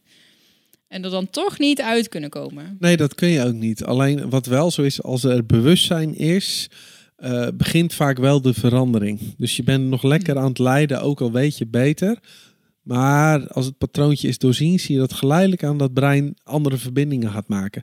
Maar ook daarin, het brein heeft altijd training nodig om te veranderen. Dus dat je in één keer daarvan af bent of bent veranderd, dat, is gewoon neurologisch gewoon niet haalbaar. Die knop, die bestaat niet. Nee, het is trainen. Het is Ja. hetzelfde als leren fietsen of leren gitaar spelen. Oefenen, oefenen, oefenen. En datzelfde geldt met ontkrampen. Het is iedere keer dat je weer verkrampt, is, is zeg maar een gitaarlesje. Dus je wordt iedere keer beter in het loslaten, als het ware. Eh, en, en dat gaat dus gedurende jaren. En, en dus is, is dat zelfontplooiing ook een proces. Maar dat zie je bij iedereen. Dat is jaren kun je daarmee bezig zijn. Ja. Voordat dat een beetje eh, losser wordt. Ik weet niet of. eh, ik heb het vast niet zelf bedacht, hier komt mij niet toe. Maar een soort van een vloer die stoffig is, die je gaat vegen. Ja. Maar ondertussen blijft er stof vallen. Dus hij wordt wel schoner, maar het- je moet wel elke dag vegen om hem schoon te houden. Oh Zoiets, ja. een soort van metafoor eh, voor dat proces van zelfontplooiing. Ja, ja, ik vind de, ook een mooie metafoor vind ik. eh, Je voet heeft altijd op het gaspedaal gestaan. En op een gegeven moment gaat hij eraf omdat je het hebt doorzien. Maar dan rolt de auto nog wel en door. Oh ja. Dus voordat hij eh, stilstaat. Oh ja. Dat is ook wel een goeie. Zelf wel een mooie metafoor. ja. ja, omdat het dat eigenlijk het enige nog is waar je hoe je het kan uitleggen misschien. Eh, ja. Toch? Nou ja, metaforen. eh, Ik ben er dol op. Want die maken wel gelijk eh, zoveel beeldender iets duidelijk. En we houden van beelden als mens. Ja, je had het net straks over de illusie. En natuurlijk al ik kort, ja, ayahuasca is een paar keer het sprake gekomen. Ik kwam een tijd terug in een podcast tegen en iemand, eh, dat was een hele interessante of een hele slimme neurowetenschapper, die zei dat wat wij zien, wat onze het beeld dat onze hersenen schetsen, dat is niet de ware werkelijkheid. Want Nee. ehm, het is een soort van de user interface. Net als dat we als we naar een desktop kijken, zien we daar netjes een icoontje en een, en, een, en een envelopje. En dan weten we, oh, dat is dat. Terwijl als we het, omdat we de eentjes en de nulletjes zouden zien, zouden onze hersenen daar niks mee kunnen. Nee. als ik daar te veel over nadenk, op een gegeven moment stopt het, dan snap ik het niet meer. Of in de zin van dan zo van, oh, maar is dit dan wat mijn hersenen mij laten zien wat er is? Zit daar dan iets achter, iets anders achter? Of denk ik er dan gewoon te veel over na? Dat sowieso. maar het is wel interessant om erover na te denken. Ja. Nee, we leven in een soort virtual reality. Hè? Dus ik denk dat jij daar zit. Terwijl uiteindelijk zitten daar luchtledige atomen, allemaal kwantumdeeltjes wat een beetje trilt. En mijn brein interpreteert dit als zijnde een vorm. En zelfs als ik jou aanraak, dan kan ik zeggen, ja, maar ik raak je toch aan? Dan, nee, dat in mijn hersenen wordt dat gevoel van aanraking ook nog eens gecreëerd. Mm. Dus ehm, ja, het is een soort hologram. Het is, het is echt een, een illusie en niet meer dan dat. Ja, en maar daar kun je niks mee natuurlijk. Nou Ja, dat. Dan denk ik, oké, nou, dan, dan denk je daarover na. Lees je de boeken over en je eh, spreekt daar met mensen over. Nou, en dan? En dan ga je gewoon de volgende dag naar je werk. Ja. maar ik vind het ook grappig. Jouw broek bijvoorbeeld, die is alles behalve blauw. Want wat er gebeurt, alle kleuren zeg maar, die worden opgezogen. En de kleur blauw is die niet, dus die gooit die terug. Dus de, de fotonen die op mijn ogen komen, die, die zeggen ja, die is, die is blauw. Maar eigenlijk is die dus alle kleuren behalve blauw. Het is precies andersom. En dat is natuurlijk Ah. ook bizar. Dus maar kleur wordt ook alleen maar in jouw brein gevormd. Heb jij, eh, ik moet meteen aan, eh, heb je zelf wel eens ayahuasca of eh, achtige middelen op of niet? Nee, nee. Ja, dat hele, alle, dat, de, de kleur is dan echt wel een ding, zeg maar. En de intensiteit van kleuren en dat je ook veel meer kleuren ziet. En dus daar moest ik meteen even aan denken. Van, ja, nou, Maar ze zeggen ook dat de eerste mensen dat die alleen maar blauw en rood konden zien. En dat dat oog pas later verder is ontwikkeld. Eh, en nu we dit kleurenscala hebben. we nog nooit gehoord, ja? Ja. Blauw en rood. Ja, Interesting. dus ja, dit is de Dan moet ik, oh realiteit. shit, nou moet ik straks op de terugweg in de auto veel te veel nadenken. Ja. Nee, maar je dit hoef je allemaal niet te weten. Dit is allemaal spielerij, hè? Ja, maar leuk. leuk. Ja, Ja. je, goed. Je, ik vind dat heel erg leuk. Anders zou ik dit soort gesprekken ook niet, ja, eh, niet doen precies. natuurlijk. Maar ehm, we zijn nou gewoon een uur bezig, joh. Gaat zo snel. Ehm, eens even kijken wat ik nog had opgeschreven. Ja, ehm, een concept als schaarste en overvloed. Dat is wel een beetje wat de basis ligt aan hoe ik probeer. In, als ik dan kijk naar herprogrammeren, Ja. is dat iets waar je denkt van, want je hoort als dat mensen zeggen het universum is voor jou. Ehm, om mensen eigenlijk een soort van. Eh, je ziet eens als iemand, eh, nou, die breekt zijn been, weet je wel. En dan, oh, wat fijn, want nu kan ik even drie weken thuis zitten, kan ik even bijkomen. Dus de hele opvatting van alles wat er gebeurt, gebeurt voor jou, ten dienste van jou. Dus het universum is een, is een positieve plek. Is dat iets waar jij als nou, non-dualist Nou ja, achter kan staan? kijk, ten eerste is natuurlijk bijna alles cognitieve dissonantie. Hè? Dus iets gebeurt en ons brein probeert er altijd voor onszelf recht te praten. En ook nog eens in een soort eh, positieve vorm.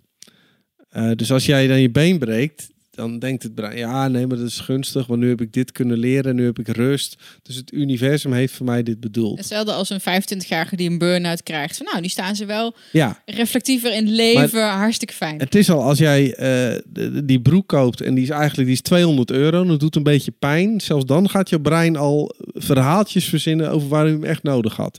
Dus dat cognitieve dissonantie, dat doen we de hele dag.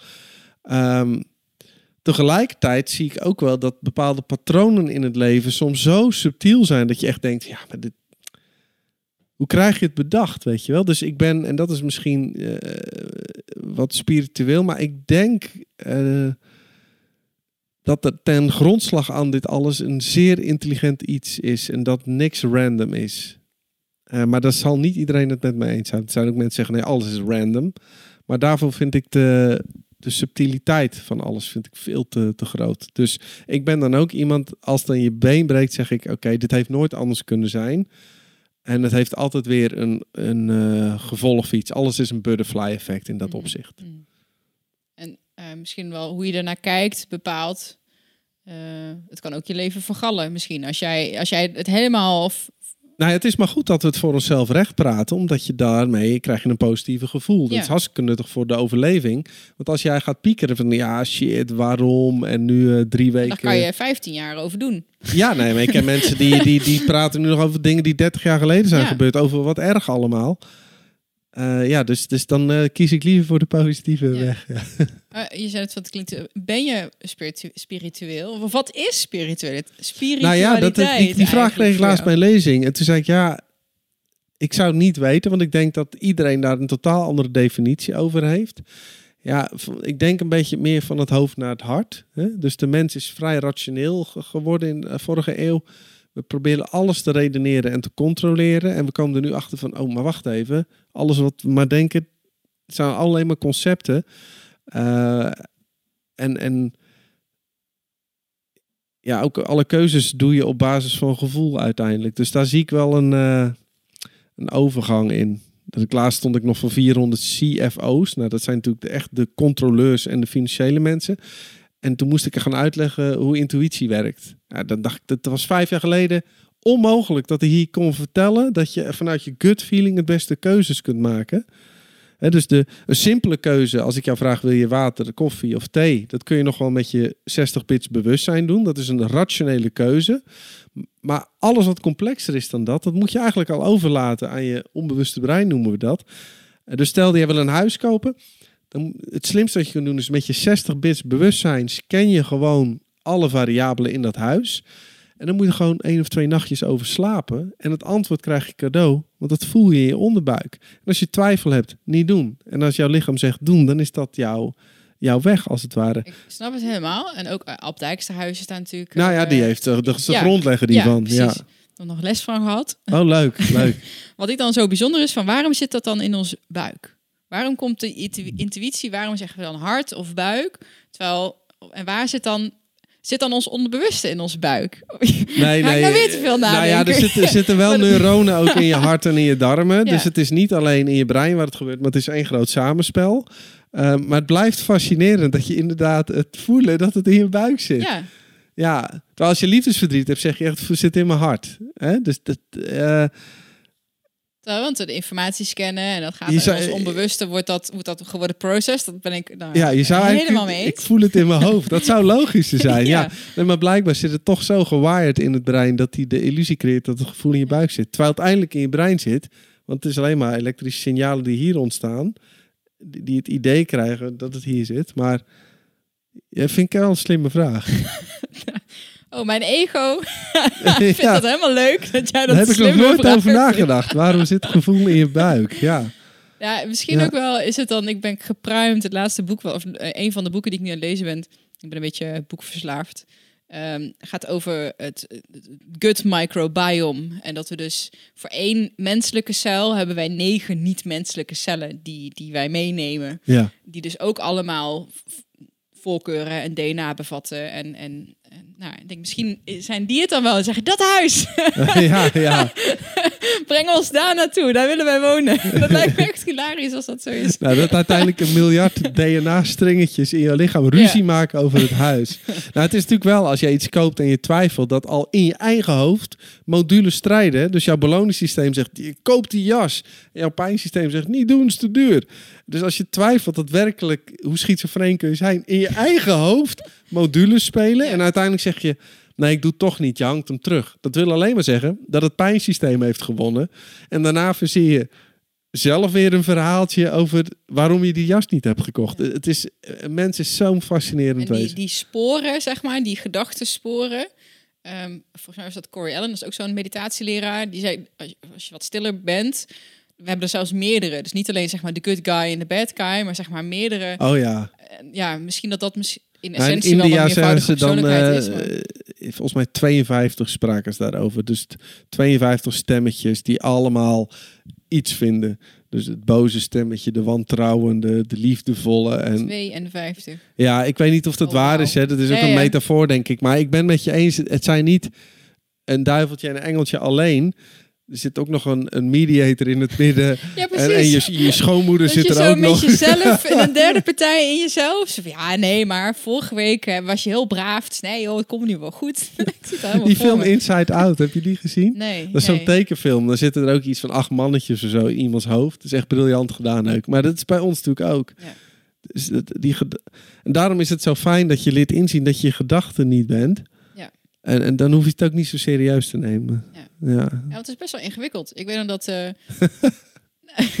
Ehm, eh, ik heb lesgegeven aan studenten. Dat waren ook onderzoeksmethoden. Interviewen was daarbij kwa- een kwalitatief onderzoek. Nou, leer je mensen eigenlijk gewoon doorvragen en luisteren. En niet meteen eh, Ja. als iemand zegt, nou, ik doe een zon-zee-zand of eh, zon-zee-strandvakantie.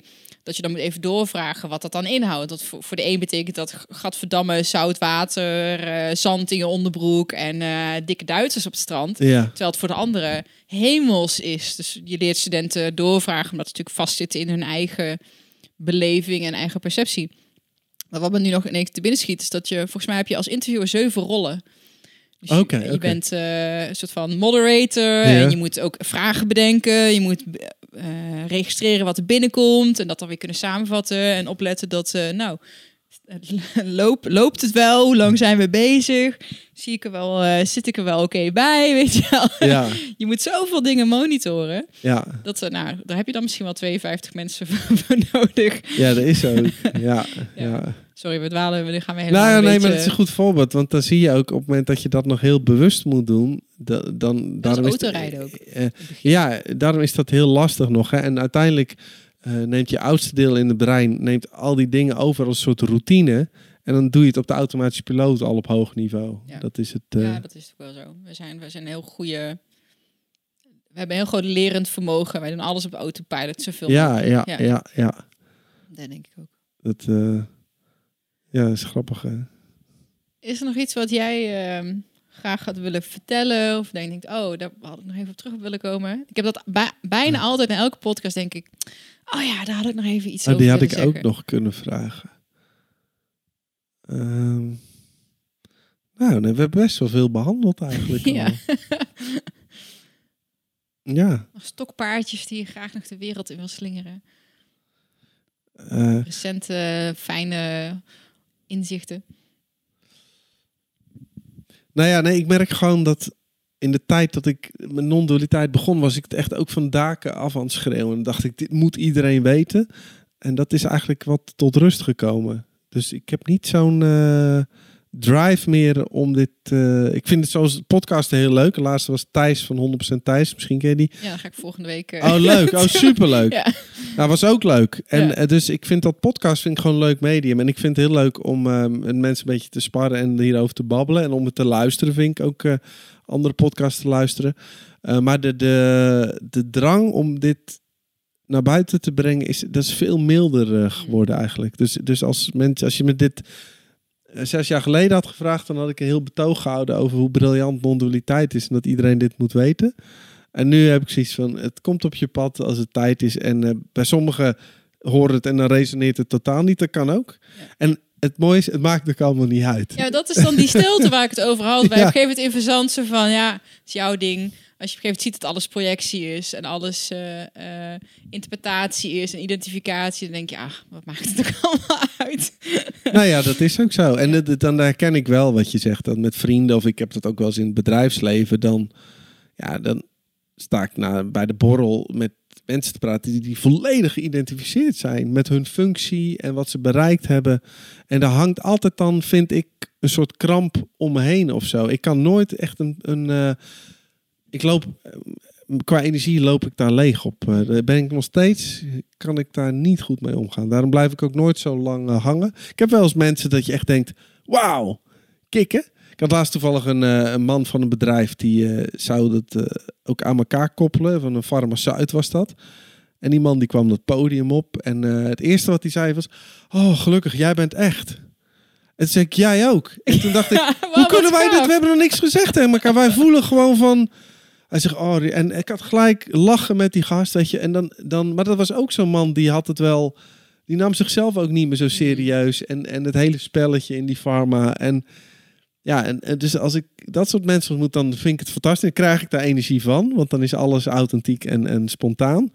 En, maar als het eh, zo geïdentificeerd is, waar niks mis mee is trouwens. Alleen ik vind dat lastig om. eh,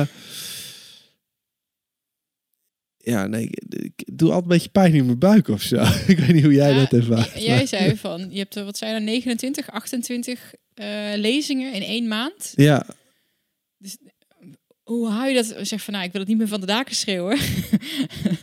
dat ben je eigenlijk wel, wel een beetje mee bezig. Nog steeds. Maar Ja, dit is meer een mengeling van comedy met neurowetenschap. Hier zit niet direct heel veel non-dualiteit in. Wel enigszins. Mensen die me kennen hebben het door, de anderen niet. Ehm, nou ja, het is je energie verdelen. Eigenlijk heb ik op 1 januari gezegd... eh, ik had weer een goed boek gelezen en dat ging ook over focus. En toen dacht ik, ja, ik... was dat? eh? Barking at the Wrong Tree. Erik Barker. titel. Ja. Ja, echt top. En ehm, ja, die, die, die had zoveel mooie feitjes weer in dat boek. Maar het zette mij aan het denken. Dat ik dacht, ik ben altijd overenthousiast. Ik heb van nature te veel dopamine. Eh, dat maakt je creatief, wat leuk is. Maar het maakt ook dat je overal maar weer induikt. En dat doet, en dit. En, en op een gegeven moment dacht ik, wil ik dit allemaal nog wel? Dus toen heb ik gewoon op 1 januari gezegd, ik focus nu. En ik ga alleen nog maar optreden. Al het andere ben ik allemaal mee gestopt. Eh, maar dat heb ik geweten, want toen is alle focus daarop gegaan. En nu, eh, ik heb nu twee mensen op mijn management zitten. Die werken de hele dag aan al die aanvragen en dingen. Het is, het is bizar wat er gebeurt nu opeens. T- maar toen dacht ik, ja, dan moet ik ook niet zeuren dat mijn agenda vol is nu. Ja, Maar ik heb nu gelukkig zes weken vakantie eh, vanaf volgende week. En eh, wat het de rest van het jaar doet, zie ik wel. En als ik eh, tegen het eind van het jaar denk, "We, dit is weer niet wat ik... eh, ik vind het te druk, dan maak ik dan wel weer een nieuwe keuze. Ja. Maar ik, het was ook in die podcast van eh, Michel en Wichert met... Even de naam van die man kwijt. Briljant wat hij zei. Die zei ook, je moet niet je agenda plannen met wat je moet doen. Je moet je ontspanning in de Oh, agenda plannen. Richard de Let. Richard de Let. Fantastische podcast. ja. Ja, wat een interessante man was dat. En, maar die zei ook, je moet die ontspanning plannen, want de rest lopen we vol. Toen dacht ik, kijk, dat is weer iets wat ik nu ga doen. Ja. Want dat is weer zo'n simpele eye-opener wat heel doeltreffend Ja. is. En dat maakt je date, leven met je, gewoon... date met je bijnier eh, Ja. noemde hij het. Ja. In ieder geval, ik heb hem ook in de podcast gehad en toen noemde hij dat de date met de bijnieren. Oh, zo van oh, de, de ontspanningsmomentjes. Luister, oh wat tof. Oh, dan ga ik ook luisteren. Dan ga ik er nog eentje aan toevoegen die, die ik ook echt geweldig vond. En dat is dat je niet... ehm, mensen zijn vaak bezig met het bouwen van een cv. Ja. hè, carrière gedreven. En zeggen, nou, bouw maar gewoon je live resume. Dus eh, bouw je leven maar op rond ervaringen. Of, dat kan natuurlijk voor iedereen anders zijn. ja, In plaats van op een baan of banen of functies. mooi. Ah, dat live resume bouwen. En dan, je hebt een eh, boek, ehm, Stealing Fire heet dat. Eh Steven Kotler, en die, die schrijft wel meer boeken over flow en Oh ja. abundance. En, en dan gaat het dus over ex- extase. En dan niet extase van eh, uit je bol, nou, maar meer flow, flow en extase. En dat je dus eigenlijk ook een soort van in een soort van cyclisch patroon ook eh, dat zou je moeten plannen. Dus bijvoorbeeld één keer in de week even iets, of één keer in de maand en één keer in het kwartaal. Nou, één keer per jaar kan je Ah, even ja. helemaal all out gaan, dat je jezelf echt helemaal opgaat. Ja, Dus stel dat een ayahuasca of nou, het kan ook een stilte zijn, bij wijze van ja, spreken. tof. Of een feest of een festival. Maar dat je dat ook echt, Inbouw. omdat je dat als mens nodig hebt. Weet je, Ja. er is een reden waarom wij in flow kunnen raken, en waarom we eh, dromen hebben, et cetera. Dacht ik, ah, nou, als ik dat nou eens met al die puzzelstukjes bij elkaar doe en ik pak mijn jaaragenda. Nou, ik ga eerst even de grote extase momentjes plannen en dan de kleinere en dan, eh, Ja, dan alle wekelijkse rustmomentjes en dan de rest. Ja. Nou, ik doe het niet hoor. Maar in de zin van, oh, ik ben ook ambitieus. En dan dan komen de dingen op je pad. En, oh nee, natuurlijk kom ik op eh, dan en dan om zes uur s'avonds. eh nee, geen probleem hoor. Dus tot de sauna gepland. Maar nee, ja, ja, ja, ja. En dan ga je weer. dan Ja, ga je weer, ja. ja. Mm.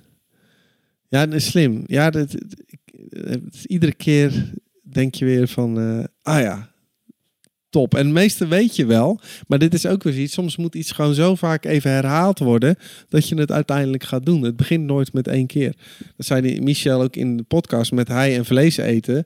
Zijn brein lult continu recht van nee, hem- dat is prima, joh, vlees eten. Maar dat is natuurlijk omdat zijn oerbrein wint het van zijn neocortex.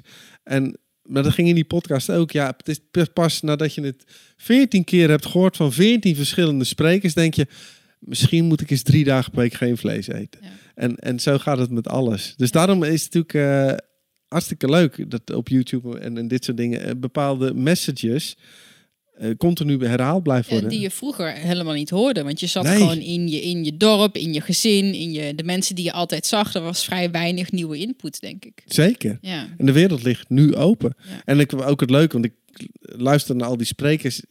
Op heel veel vlakken verwijzen ze allemaal naar precies hetzelfde. Ja. Is altijd een stukje bewustwording, eh, enerzijds mentaal, dus minder piekeren, waar non-dualiteit ook over gaat natuurlijk. Anderzijds lichamelijk, nou dan weet je alles van gezonde voeding, we moeten meer sporten met z'n allen.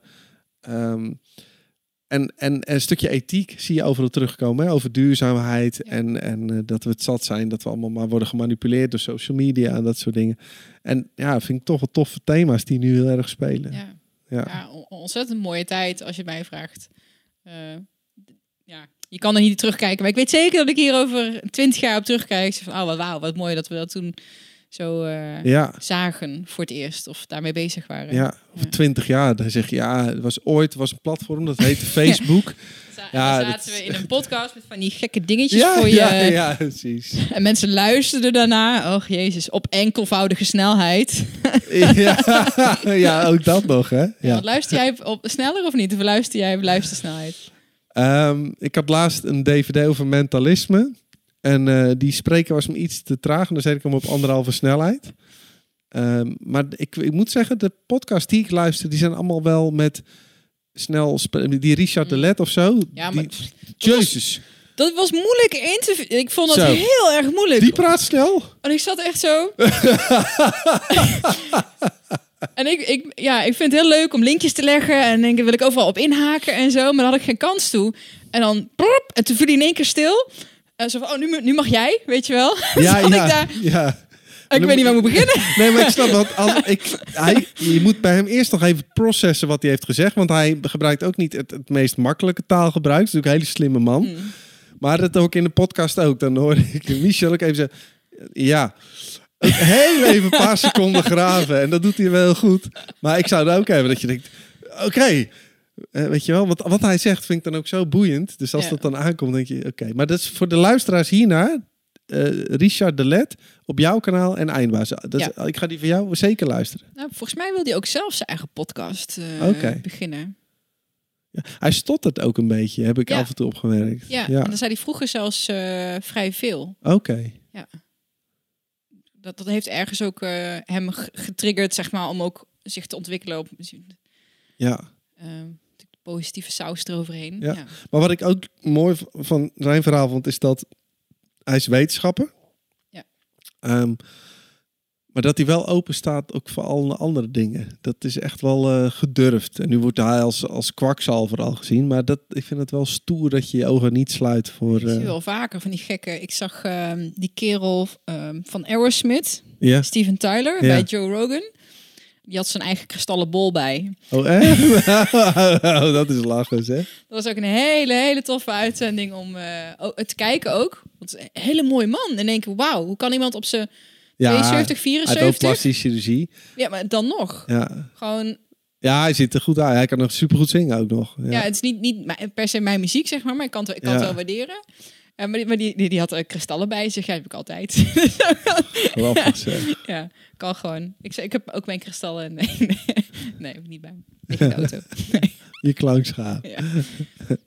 Ik ga hem afsluiten Ja, gezellig. als jij het ermee eens bent. Ja, hey, dankjewel. En, eh, ja ook. Heel Dank veel je. succes. Waar, Ja. waar kunnen mensen jou vinden?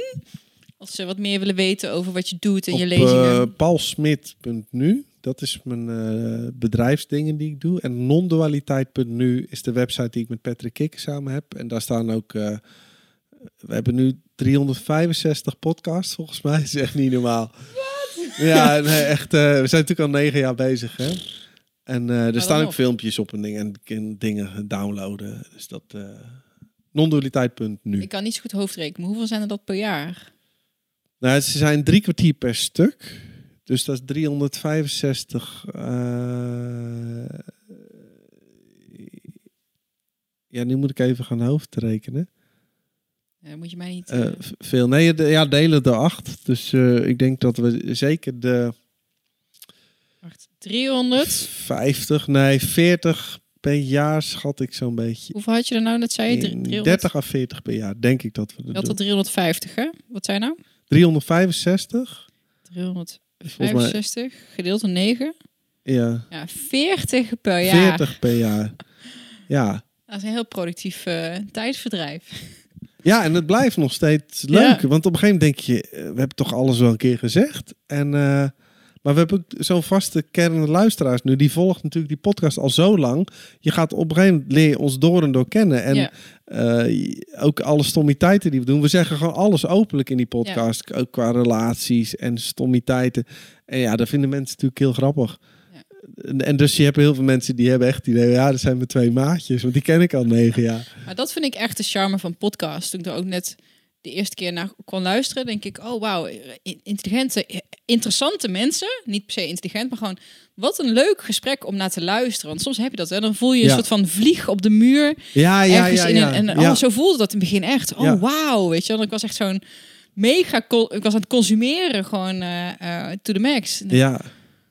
ja, ik, ik, ik luister, ik luister op een tijd helemaal geen muziek meer geluisterd. Omdat ik denk, oh nee, ik vind het veel prikkelender Ik of zo. ook. Uitdagender en, en, en voedend. Ja. Ja, ja en de, de reis gaat eh, veel sneller, hè? Ja. Ik blijf dan net, eh, was ik bij mijn optreden eh, bij de Fontes Hogeschool.